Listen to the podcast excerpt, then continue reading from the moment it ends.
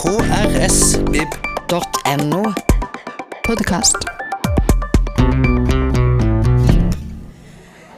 Ja, hei og hjertelig velkommen til fredagslunsj. I dag kjenner jeg litt sånn som før koronatider, nærmest, altså. Med det, det koker, eh, som han sier på fylkeskommunen. Ja.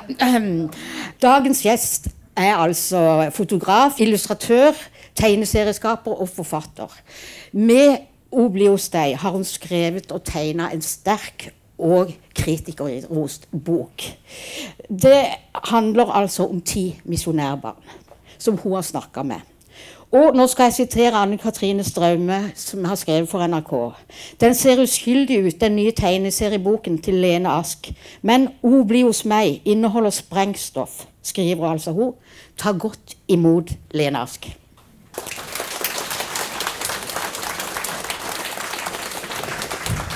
Og for det, Rent praktisk er det litt vanskelig å ha samtaler og dette samtidig, men vi ville gjerne at dere skulle få et lite innblikk, så da får først den ene historien med bilder. da. Ja. Mm. Eh, kjekt å se så mange. Det er ikke hverdagskost for meg at eh, det er så mange i salen. Eh, jeg hadde lyst til å I og med at det ble litt sånn fram og tilbake, så har jeg lyst til å lese én historie før vi snakker mer. Og det er historien til Harald. Se ifra hvis lyden er litt rar. Så. Eh, er, jeg har altså samla ti historier. Eh, og innimellom der så har jeg også skrevet litt misjonshistorie. Fordi at eh, Eh, jeg går ut ifra at dere som er fra Kristiansand, og det gjelder iallfall meg som er fra Stavanger, har mye av misjonshistorien innabords. Vi vet jo hvor mye misjonen, misjonen har betydd. Men eh, for mange i landet så, så, så, de, så, tenker de at misjon er på en måte noe som er litt sånn for spesielt interesserte. Derfor var det viktig for meg å, å liksom, gi en beskrivelse av hvor stor utbredelse misjonen hadde. Så jeg har sånne små eh, tegneserier innimellom. Der jeg skriver litt om misjonsbevegelsen. Eh, hva tid den første misjonsorganisasjonen ble oppretta, nemlig 1842. Eh, og at det i 1940 fantes 4500 lokale misjonsorganisasjoner eh, med til sammen over 125 medlemmer. Så dette var en veldig stor folkebevegelse i Norge. Jeg skriver også litt om eh, at Misjonen var helt avhengig av eh, økonomisk eh, bidrag fra de små lokale lokalorganisasjonene. Og da har jeg lyst til å lese historien til Harald, som var misjonær i Japan på 1960-tallet. Dette er et bilde fra min første skoledag. På den norske skolen i KB. Jeg hadde hørt rykter om at det var veldig strengt der, og at hvis du ikke skjønte hvorfor ringeklokka ringte, fikk du kjempestraff. Hele tilværelsen var styrt av den klokka, og jeg var livredd for å gjøre noe feil. Da kunne jeg få straff.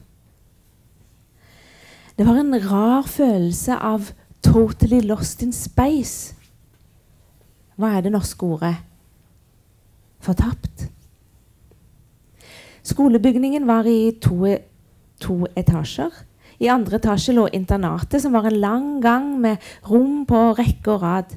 På rommene våre var det en køyseng i jern malt i grønt. Så var det plass til en liten pult til hver av oss som bodde på rommet, og et innebygd skap. I første etasje var det klasserom, spisesal, kjøkken og dagligstue. Jeg var veldig sjenert og den eneste førsteklassingen på skolen. Jeg hang mye alene. Jeg kunne gå forbi de store guttene, og plutselig fikk jeg en knyttneve i magen og lå der. Da var det ingen å gå til. Jeg ville ikke sladre. Jeg ble plassert på samme rom som en tredjeklassing. I første klasse ble jeg stengt inne i skapet på rommet. Det var før middagen. Jeg hørte bordverset fra spisesalen i etasjen under. Det endte med at jeg måtte legge meg tidlig uten kveldsmat. Vi fikk månedslov en helg i måneden, og da fikk vi lov til å dra hjem. Noen ganger reiste jeg alene. Måtte bygge, bytte tog fire ganger og reiste gjennom flere store byer. En eller annen gang i løpet av første klasse kom foreldrene mine på uanmeldt besøk. Jeg fløy til himmels av glede. Men etter en time eller to så dro de igjen. Da raste alt. Jeg gikk inn i en garasje ved siden av skolen, og der var det noe utstyr og baller og sånn. Der gråt jeg noe voldsomt. Så ga jeg meg selv et løfte om at jeg aldri mer skulle gråte. Jeg måtte klare meg selv. Skal ikke vedde på at jeg holdt det løftet og må aldri gråte igjen. Moren min har fortalt at da jeg var hjemme på månedslov, måtte hun brekke armene mine fra hverandre da jeg tok avskjed. Men jeg husker i alle fall at jeg bestemte meg for aldri å gråte mer, og at jeg skulle klare meg selv. Jeg hadde min metode for å finne en slags trøst. Mange kvelder og netter så åpna jeg opp dynetrekket og gikk inn i det som en slags hule. Det ga meg en sånn trygghetsfølelse. Jeg husker et mareritt som gjentok seg. Det var samme drøm. At mor hadde kommet og henta meg på skolen. Og så gikk vi ned til stasjonen. Så går mor om bord. Men jeg klarer ikke å gå. Kom, da, sier mor. Men jeg klarer ikke å bevege meg. Så ser jeg at dørene lukkes, og at toget forlater stasjonen.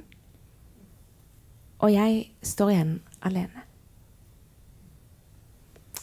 Ja, det var Harald sin historie. Da lukker bare igjen her.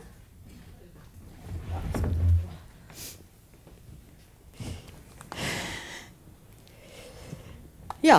Uh, dette er altså én av ti historier um, som vel også er med på å understreke ett stort fellesskap.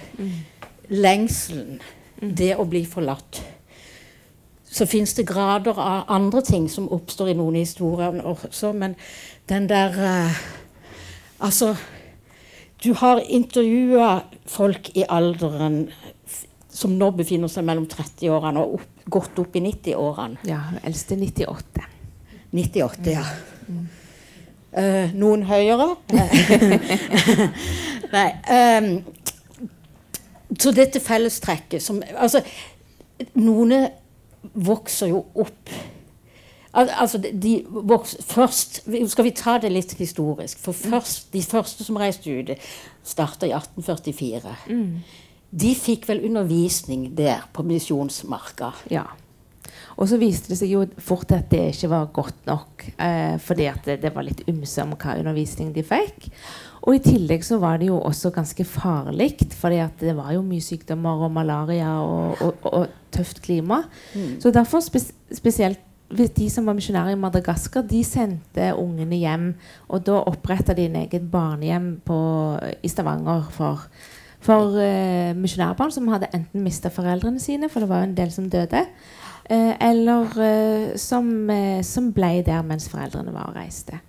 Så da befant foreldre og barn seg på to forskjellige kontinenter. Og i, så skjer jo det at de oppretter misjonsskoler. Men det, jeg ser jo noen er i India og må reise eh, altså må reise via Calcutta, som ligger midt på der, og helt opp i nord. Altså flere dagsreiser med tog og til slutt buss opp i fjellene. Eh, en befinner seg i Kenya mens foreldrene er i nabolandet. Så det var fire dags... eh, Nei, det, nei en, det var en annen som var fire dagsreiser. Dette var ikke så langt. Men, ja, altså, det er vel dette som er en sånn grunnstemning i alles historie, og det å være forlatt. Ja. Eh, Det er det, og det er en ensomhet. Og så er det det å ha blitt eh, tillatt fordi at mor og far har fått et kall. Ja. Eh, og fordi at de har en veldig viktig jobb.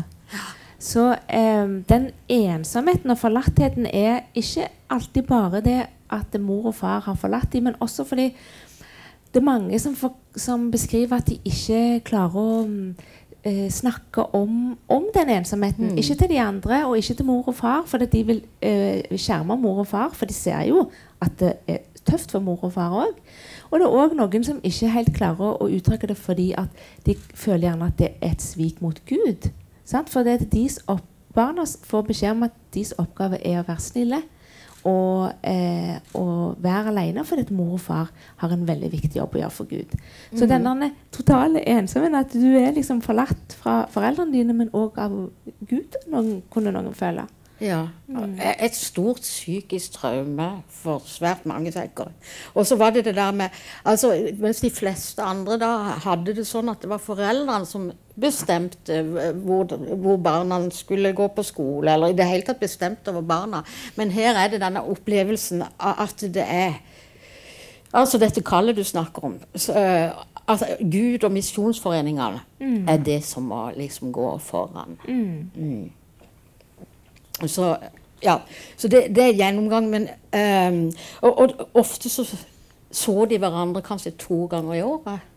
Uh, ja, det kom litt an på hvor lang vei det var, men i, på Madagaskar var det ofte det at de så hverandre to ganger i året. Ja. Mens eh, så har jeg snakket med noen som så, eh, så foreldrene sine hver 14. dag, men som beskriver at denne eh, atskillelsen var like ad, ad, Avskjeden var like vond allikevel. Hvis du ikke hvis hverdagen din ikke er trygg, så er det å, å måtte forlate mor og far kanskje like, det er like vondt opprivende nesten, selv om du ser dem hver 14 dag, eller om det er to ganger i året. Mm. Uh, og, og så er det, ser jeg i- flere historier at de har ikke nær voksenkontakt Nei. ute på misjonsskolene. Nei. Det, det, de misjonsskolene var ofte underbemanna. Eh, fordi det var jo én ting som var det viktigste, og det var jo misjoneringa. Det var jo å få ut budskapet. Og eh, det har i hele tida vært en diskusjon på, eh, på hvem som skal betale utgiftene for ungene.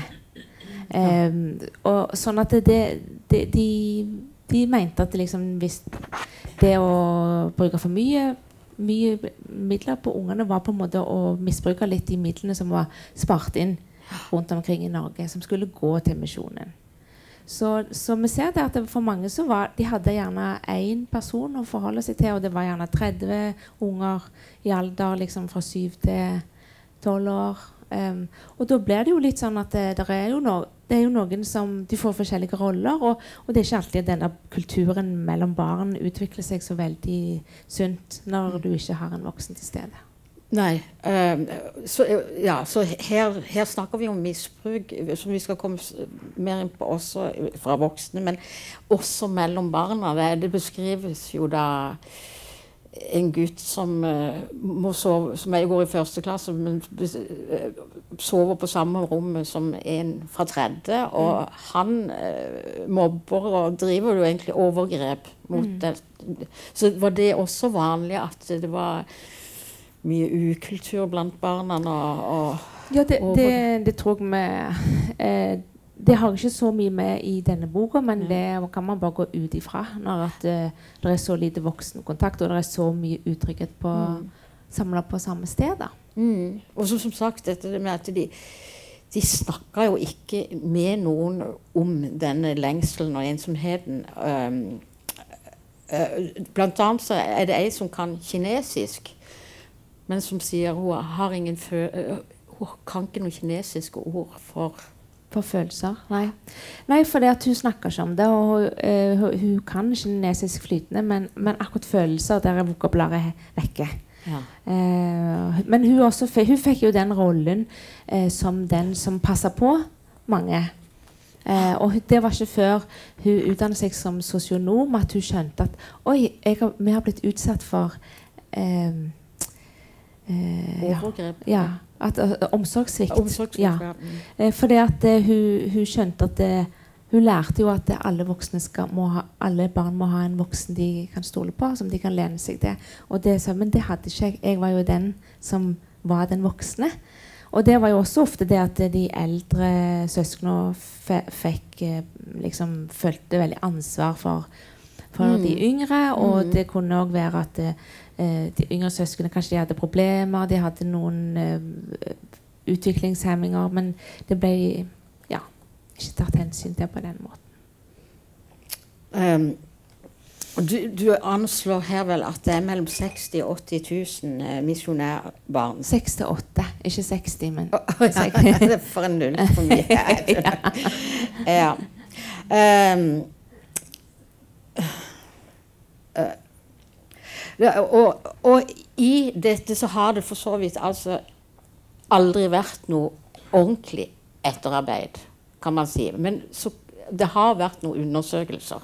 Ja, altså, eh, Det er mange misjonærbarn som har prøvd å få dette på agendaen, og som har, Mhm. har en, gjort en skikkelig bra innsats. Eh, det første gangen det ble, dette ble debattert offentlig, var eh, Bertheus Jensenius, som vokste opp på, på Madagaskar og i Stavanger på barnehjemmet. Hadde, han hadde det ikke bra der. Han kom med den første roman, to romaner i 1970. Eh, der han beskrev forholdene som han levde under, som ikke var bra. Men, den ene, men da ble det veldig sånn furore, for det var mange i misjonsorganisasjonen som kjente seg igjen. Litt sånn eh, virkelighetslitteratur lenge før Knausgård.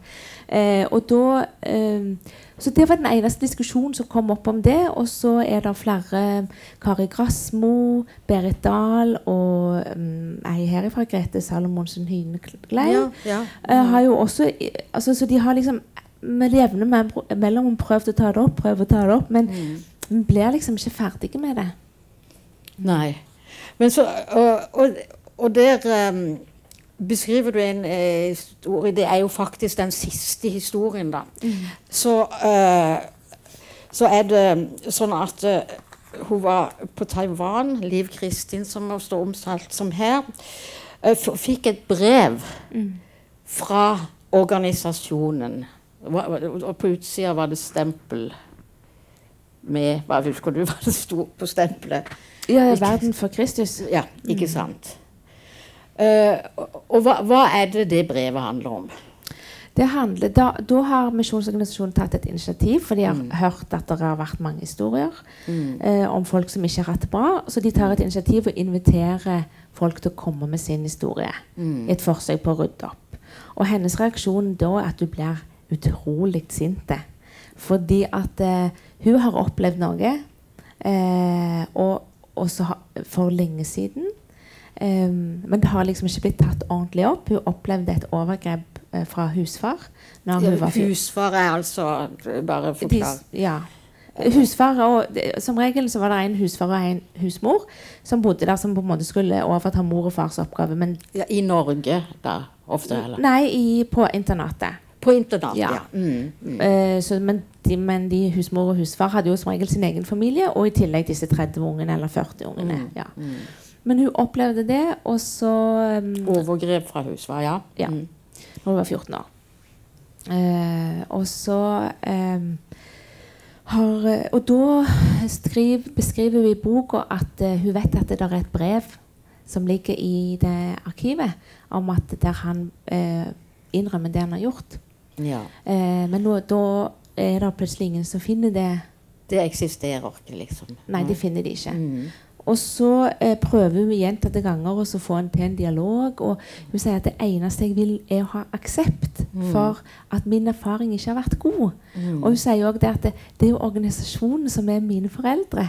For de ordentlige foreldrene mine de så jeg jo aldri. Så derfor, det, Hun forklarer det så fint at det er derfor det var så viktig for meg å få en aksept fra organisasjonen. For det er de, de som er mine foreldre. Jo, det, det første brevet hun sender, de lar det jo bare gå et år uten å overhodet svare før hun må ta Ja. kontakt. Ja. Ja, så det, og det tror jeg er veldig beskrivende for, for mange. Eh, kanskje spesielt i den organisasjonen. At de, at de ikke har fått ordentlig svar, og de har ikke fått ordentlig har ikke blitt tatt imot på en ordentlig måte. Da. Og det hun sier at det eneste hun ser utveien på det for å få liksom, en aksept på den erfaringen, det at hun går til sak. Og da begynner de å forhandle om forlik, og da finner de plutselig det brevet i arkivet. Der det står at, eh, at eh, når dette kom fram, og så var det et møte mellom ledelsen i organisasjonen, faren hennes og husfar og kona, og de ber sammen, og han blir tilgitt. ja, det er det. Men, men uh, hun, hun har jo ikke blitt invitert. Hun- Offeret er ikke til stede Nei. på det møtet. Og saken legges død, for han blir tilgitt. Ja. Eh, da går hun faktisk til rettssak. Men hun, hun gjør det jo for nettopp det du sier, å få en aksept. Eh, og da plutselig så tilbyr de et forlik. Ja, da Rett før rettssaken skal, skal i gang, så får hun et tilbud om én million kroner. Men mot at hun ikke forteller historien sin. Mm. Og det kan hun ikke Nei. godta. Og som det også står der i historien, det har jeg jo også hørt, at mange har fått et sånt tilbud mot fortielse. Mm. Og ja, og, og, men det, det vet vi jo. Og vi vet jo ikke hvor mange som har fått det, og hvor mye penger som har blitt talt ut. For det, det står jo ingen plass, for det, det er hemmelig. Så det Ja. eksisterer på en måte ikke. Så er det en gutt her som beskriver egentlig at han har hatt en god barndom ute på, eh, ja, på misjonsskole. Og han har egentlig hatt det fint. Og det som eventuelt skulle være feil, det har han lagt bak seg liksom og tilgitt. Men det viser seg jo, dette som ser sånn Han er utsatt for overgrep begynner å røyke når han er, går i første klasse, og føler seg av og til altså noe som ligner på ruser seg da. Dette har han vært i overgrep og eh, rusmisbruk og alt sånn, men har ikke noe følelsesregister på Eller har han? Hvordan er dette? Ja, så, eh, når det gjelder den historien der i eh, Det var på- Madagaskar, det. Eh, der var det en kokk som jobbet i, i alle år, og som forsynte seg Som, som begikk overgrep i generasjoner eh, på gutter.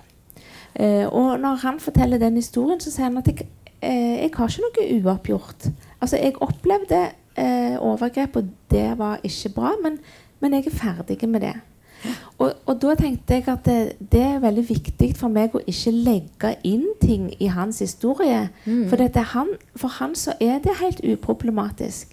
Og det har vært et viktig premiss i, den, i den arbeidet med denne boka. at det, alle som har vært intervjua, skal få lov til å være med hele veien.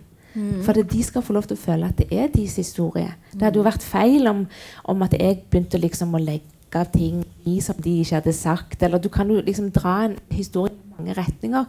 Og, og da, da må jo jeg på en måte forholde meg det, til, det han, til, det han sier.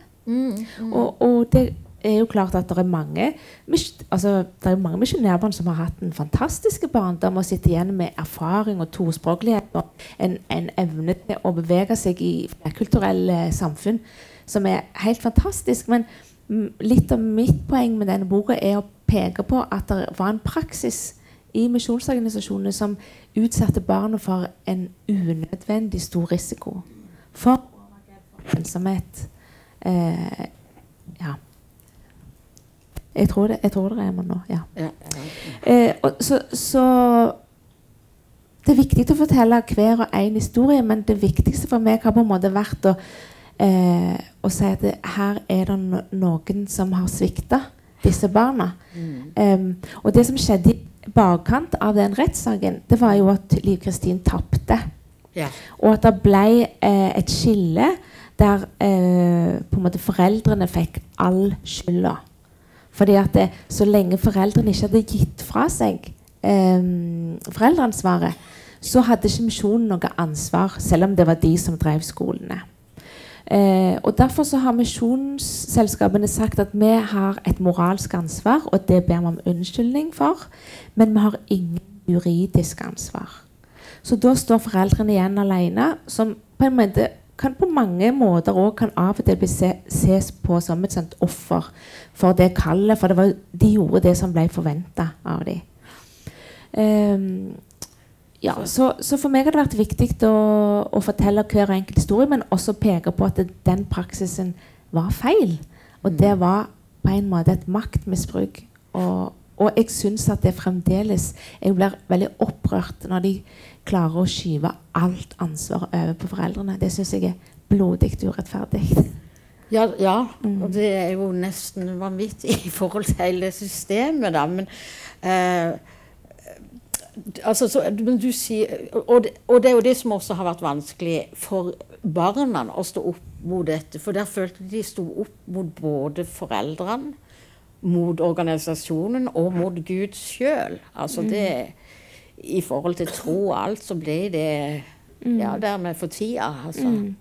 Ja, der er Marianne i boka sier det at det er tre maktfaktorer vi barna måtte forholde oss til. Og det er foreldre, organisasjon og Gud.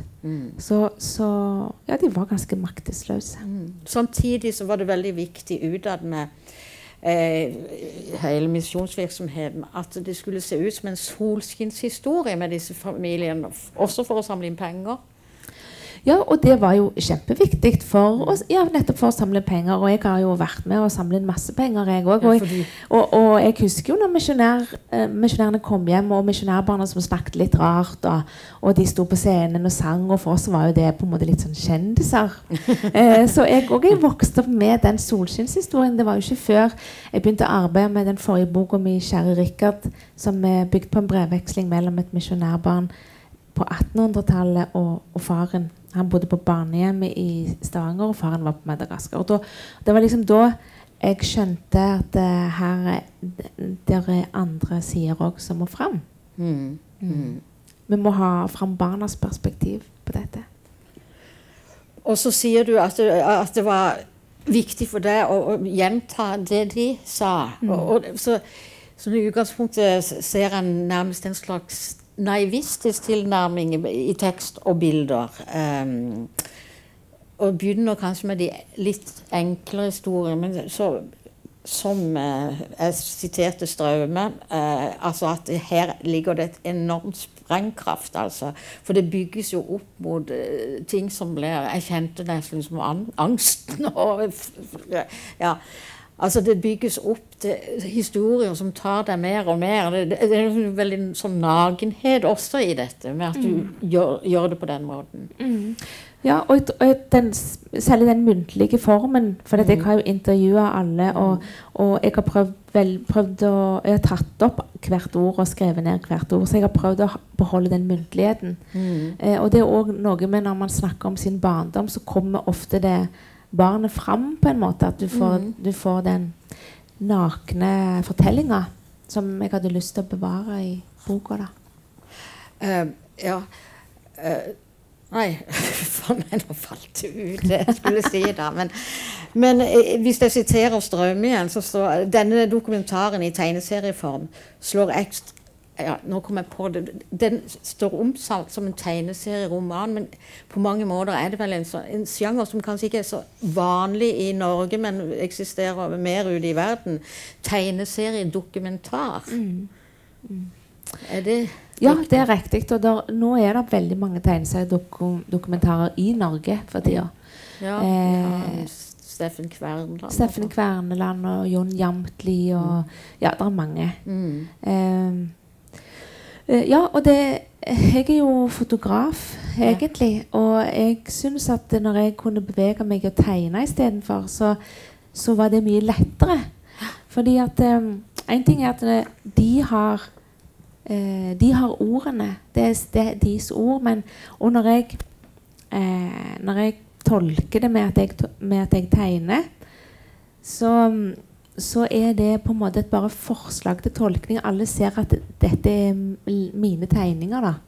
Så, men hvis jeg hadde når jobba med fotografi, så følte jeg at det var så veldig sånn bombastisk sannhets... Um, altså ja, det var sånn påstand om at dette er sant. Så det finnes liksom i, i, i fotografiet, mens jeg føler at det i tegneserier så vil alt, alle se spor etter min hånd. Så alle vil se at det, dette er mitt, min tolkning. Og det syns jeg gjør at tegneserier blir en veldig redelig eh, dokumentarsjanger, rett og slett. For du, kan, du kan hele tida se når jeg eh, når, når det er jeg som foreslår tolkning, og ikke de som forteller. Så jeg prøver hele tida med tegningene mine å bare utvide rommet til fortellingene. Ja, Dette kan altså Anne Katrine Strøm eh, understreke her, da, med at denne dokumentaren i tegneserieform slår ekstra hardt. Det er fordi barnas stemmer kommer så utilslørt frem, samtidig som Ask utvider dem med sine illustrasjoner. Du kan eh, den, Det er i grunnen noe du er enig i? Ja, ja. Eller det Jeg er veldig glad for at det- Ja. Mm. Ja. Og så er det det at du bruker eh, tegneserierutene som eh, følger fortellinga, er i sort-hvitt. Mens eh, det som eh, liksom eh, er skildrer den offisielle misjonshistorien, de er i farger som kanskje understreker den der glansa fortellinga. Er det det som har vært målet med Ja, ja og understreke den Det er liksom den litt mer Litt overfladiske og litt sånn det, det, man har lyst til å presentere, på en måte. Mm. Eh, på 2000-tallet så er det tre misjonsorganisasjoner som utlyser to spørreundersøkelser. Hva, hva, hva er det Er målet da å oppnå og fange opp disse barna? Ja, det ble nærmest sånn etter hvert så ble det, var det helt tydelig at noe måtte gjøres. Så da ble det ja, så da ble det to undersøkelser der folk, eh, for å kartlegge misjonsbarnas eh, opplevelser og erfaringer. Eh, den er ikke helt representativ, for det, var en gruppe misjonærbarn, jeg tror det var de fra Japan, som hadde jobba veldig sånn eh, veldig mo, eh, for at de skulle få aksept for sin greie, som har fått, fått mye motstand. Så jeg tror at de, de boikotta eh, den undersøkelsen. Så det, og der var det òg mye overgrep og, og ting. sånn at det, jeg vet ikke hvor representativ det var, men det var iallfall en, en viss sånn kartlegging av eh, Det var vel 3500 eh, stykk som svarte på den. Ja, og en fjerdedel var altså utsatt for omsorgssvikt og krenkelser. Ja. Så det er eh, større enn vanlig. Det er det. enn vanlig. Ja. Og flere satt igjen med, med psykisk uhelse som voksne. ja. Og det var vel, eh, det var vel 7% som opp, eh, opplyste om eh, overgrep.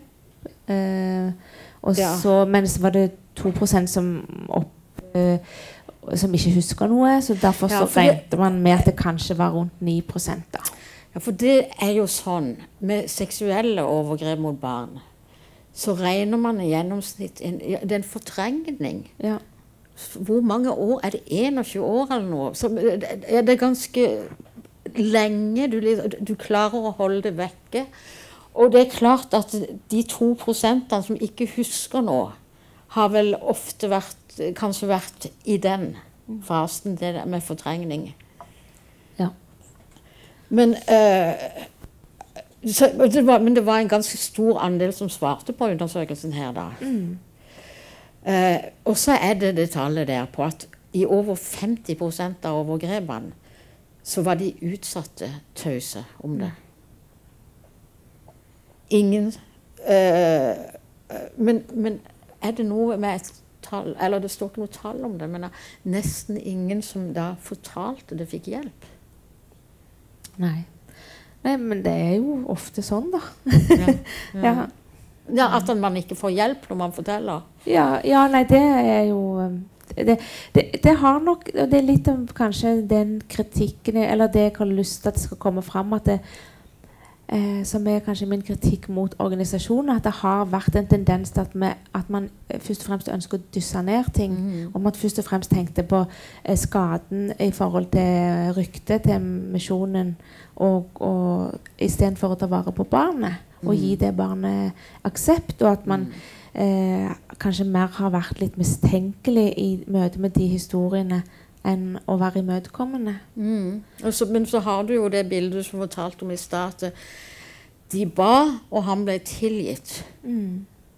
Kan det er, er, det- I dine um, møter, og sikkert alt du har lest og undersøkt, fins det mange sånne historier? Da, da fins da, jeg, kan- jeg, kan- altså dette, det, Akkurat det er jo veldig graverende. Men, jeg, men det der at folk ikke har blitt tatt på alvor og blir møtt på en ordentlig måte, det syns jeg det er mye eksempler på. så er det jo også en stor andel på hele 60% som følte seg fremmede og dårlig behandla når de kom tilbake til Norge. De, alle de du har snakka med, er- har de, de, er de bosatt i Norge? Ja, det var jo ei som ble misjonær sjøl også. Ja, ja, bosatt i Norge. Ja. Eh, Når du snakker med dem nå, hvordan eh, føler du i det norske samfunnet nå? Altså, det er veldig stor forskjell på eh, Og det er mange Men et, de aller fleste er, føler seg jo liksom en del av det norske samfunnet, men det har jo kosta mye, tror jeg, Ja. for mange. Mm. Um, I etterkant av denne um, uh, Altså, her skårer disse høyere på psykisk helseplager enn resten av befolkningen. Men i etterkant av undersøkelsen så beklager mis- Misjonsorganisasjonens praksisen med å skille foreldre og barn. Og, da, og det skriver du om i boka. altså Da ble det muligheter for å søke om 25 000 i støtte. Ja. Så hvis du, ha, hvis du hadde brukt 25 000 eh, i enten eh, som du, dokument, du må dokumentere at du har gått til psykolog og betalt så og så mye i behandling av dine traumer, eller at du har dratt til hjem, det landet ditt som du var i for å bearbeide traumer, så kunne du få tilbake ja. 25 000. Men du måtte søke. Ja, og, og hun vi har snakka om, altså, som endte opp med rettssaken, mm. altså, hun søkte jo, men fikk avslag. Ja. Og begrunnelsen er da at eh, Hun har ikke gått i terapi. Nei. Og de 25 000 var egentlig for at du skulle kunne reise tilbake til der du hadde vært, for liksom en bearbeidelse. Ja. Og en del av i, Med disse undersøkelsene, så, så altså de er, vedkjenner seg ikke noe rettslig erstatningsansvar. eh, eller, så, så all kompensjon, altså alt sånn eh, Det blir ikke utbetalt penger til disse barna. Nei, de, eh, de utbetaler ikke erstatning sånn som vi vet. Altså som er offentlig, i alle fall. Eh, men de har eh, betalt eh, utgifter for behandling. Så mm, Ja, og så- Jeg vet ikke, jeg har tenkt litt på det om at vi har Altså Hver gang dette har kommet opp, så er det en del som i misjonsbevegelsen som sier at skal skal vi ta opp dette igjen?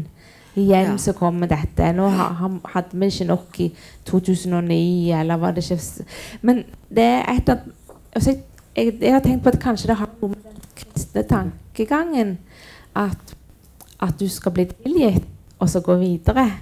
Uh, men, men det er jo ulikt når det gjelder traumer. Eh, Kan vi dra litt i den ledningen? Er det sånn? Er det det? Altså, Ja. Den der, hvis du, kan du legge den der? Så håp. Eller- liksom. Å nei, nei, du var ikke nærme nok.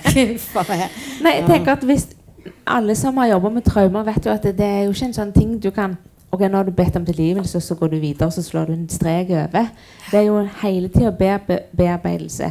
Og jeg tror det viktigste for mange av de misjonærene er at deres historie også blir med som en del av misjonshistorien. Det med at det bare har vært plass til solskinnshistoriene, har vært veldig urettferdig. Og, og misjonshistorien er jo ikke helt fullendt heller, hvis du ikke slipper til de, de motstemmene, da. Men jeg tror at noe av problemet har jo vært at misjonen har jo ikke fått så den, den har jo på en måte blitt litt mer eh, sett på med kritisk lupe, og, og, og ja, den ble et uglesett. Og derfor så har, det, har det vært opp til misjonsbevegelsen sjøl å fortelle historien. Så mitt mål har vært å på, på en måte prøve å løfte den problematisere pro, dette problemstillingen og så vise den fram til de andre som ikke er en del av det. Og, og, og der får jo folk bakoversveis når de hører om det. I spennet her fra eh, noen i 30-årene til 98, er det, er det en utvikling med, med altså, Ble de eldste behandla verst? Det er ikke nødvendigvis sånn, men har det vært en utvikling i hvordan de ble behandla der? Er Er det noe av det i de historiene? Jeg tror det er en utvikling i forhold til hvordan vi ser på barneoppdragelse, har jo vært hele tiden. Det har jo også fulgt eh, eh, internatskolene. Og vi må jo òg si at eh, nå har ikke Misjonen internatskoler lenger. Det, det ble avslutta på 90-2000-tallet. Ja. Det er jo kjempe, det er veldig viktig. Og det var jo det som var målet for de første som begynte å jobbe med dette. At nå må vi få avslutta internatskolene. Men det, to, det satt langt inne, og det tok lang tid. Eh, så det er helt klart det er en helt annen bevissthet om det nå. Det, og misjonsorganisasjonene ville jo aldri gjort dette igjen. Men jeg er fremdeles kritisk på hvordan misjonsbarna har blitt møtt i organisasjonen. Ja, for det, det, hvis den skulle Uten sammenligning for øvrig, men altså vi fikk en sånn metoo-kampanje der ting der ble liksom Det kommer opp, opp på bordet. På, i, på, eh, da kan vi jo si på ulike nivåer. Altså det er ikke alle som har blitt behandla så veldig Noe for mye kom kanskje opp, altså, men, men dette har virkelig blitt løfta fram i samfunnet. Mens dette altså, har de skjult så godt de kan. Og kan man egentlig komme videre og bygge opp noe helt annet, så lenge man ikke tar et skikkelig oppgjør med det? Nei, jeg mener, jeg mener at det ikke går. Og hun, Marianne i boka sier jo at det er jo ikke bare vi som har et traume, men det er òg misjonsorganisasjonene som har et traume. Som må bli tatt på alvor, at dette ligger som en verkebyll. Og jeg husker, jeg er jo vokst opp i eh, sambandet sjøl, og, og jeg husker når den rettssaken kom opp, eh, der eh, det, det sto et misjonærbarn mot eh, en organisasjon som har mange millioner i kollekt, og, og som hadde råd til den beste advokaten. Så det er helt klart at det føles som enormt feige lag. Eh, og det vet jeg rysta mange i den bevegelsen. For det var mange som mente at dette skulle aldri vært i rettssalen. Eh, fordi at eh, dagens juss er er ikke skapt for f.eks. kallsforståelsen. Den er jo ekstremt viktig i misjonsbevegelsen. Hva kalte du det? Altså Ja, kall- kallet. som- Det at foreldrene ble kalt ut det, um, altså i, i, Før så måtte de jo skrive under en kontrakt der de på en måte De fikk jo ikke bestemme eh, hvor de skulle reise, f.eks. Mm. Og, og det var enormt sterkt press på at, eh, at eh, du skulle gjøre det som ble forventa av misjonsorganisasjonen. Og da var det ikke lett å si nei, jeg vil ha ungene hos meg. Nei. Det var jo ei som gjorde det, for hun var misjonærbarn sjøl og reiste ut. Og så pga. hennes erfaring som misjonærbarn så var det helt uaktuelt for henne å, å sende fra seg førsteklassingen. Og da fikk hun en reaksjon på at eh, ja, men er, er du bedre enn oss siden du får lov til å ha ungen din hos deg? Har ikke du et stort nok kall siden du ikke sender ungen din fra deg? For det er klart at dette er et stort offer for foreldrene. Eh, Alle som har unger, vet jo det. Og, og det er helt utenkelig å sende fra seg førsteklassingen eh, tre dagsreiser unna. Men nettopp den der sterke fortellingen om misjonen og suksesshistorien var liksom en del av pro prosjektet. Og òg den der presset på at vi, vi er så lykkelige. Vi har det så fantastisk. Vi har hatt en lykkelig barndom. var en del av dette store prosjektet som gjorde at foreldrene orka å sende ungene fra seg.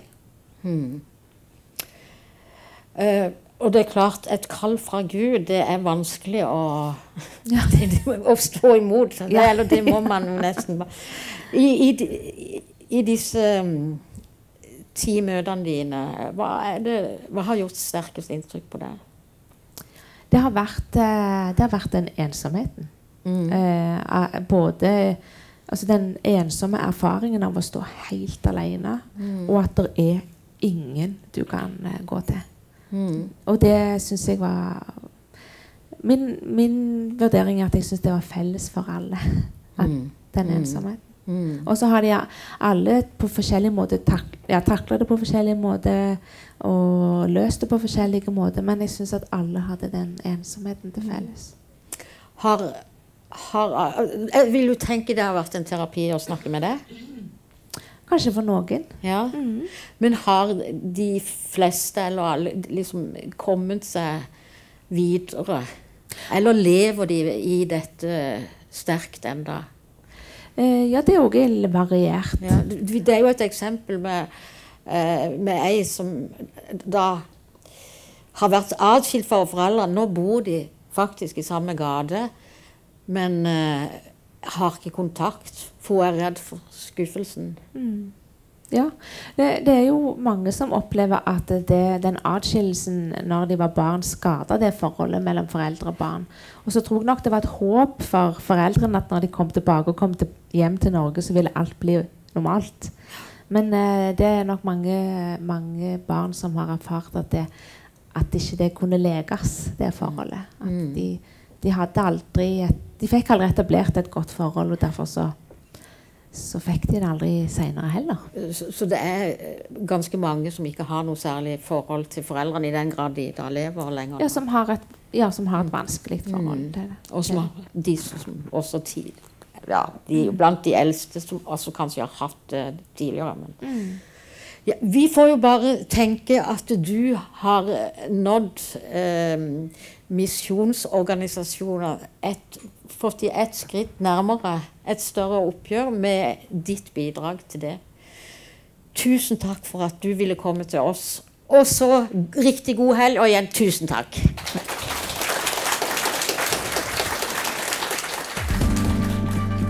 Flere podkaster fra oss finner du på Google Podkast, Apple Podkast eller iTunes, eller ved å stikke innom vår hjemmeside på krsbib.no. krsbib.no. Podkast.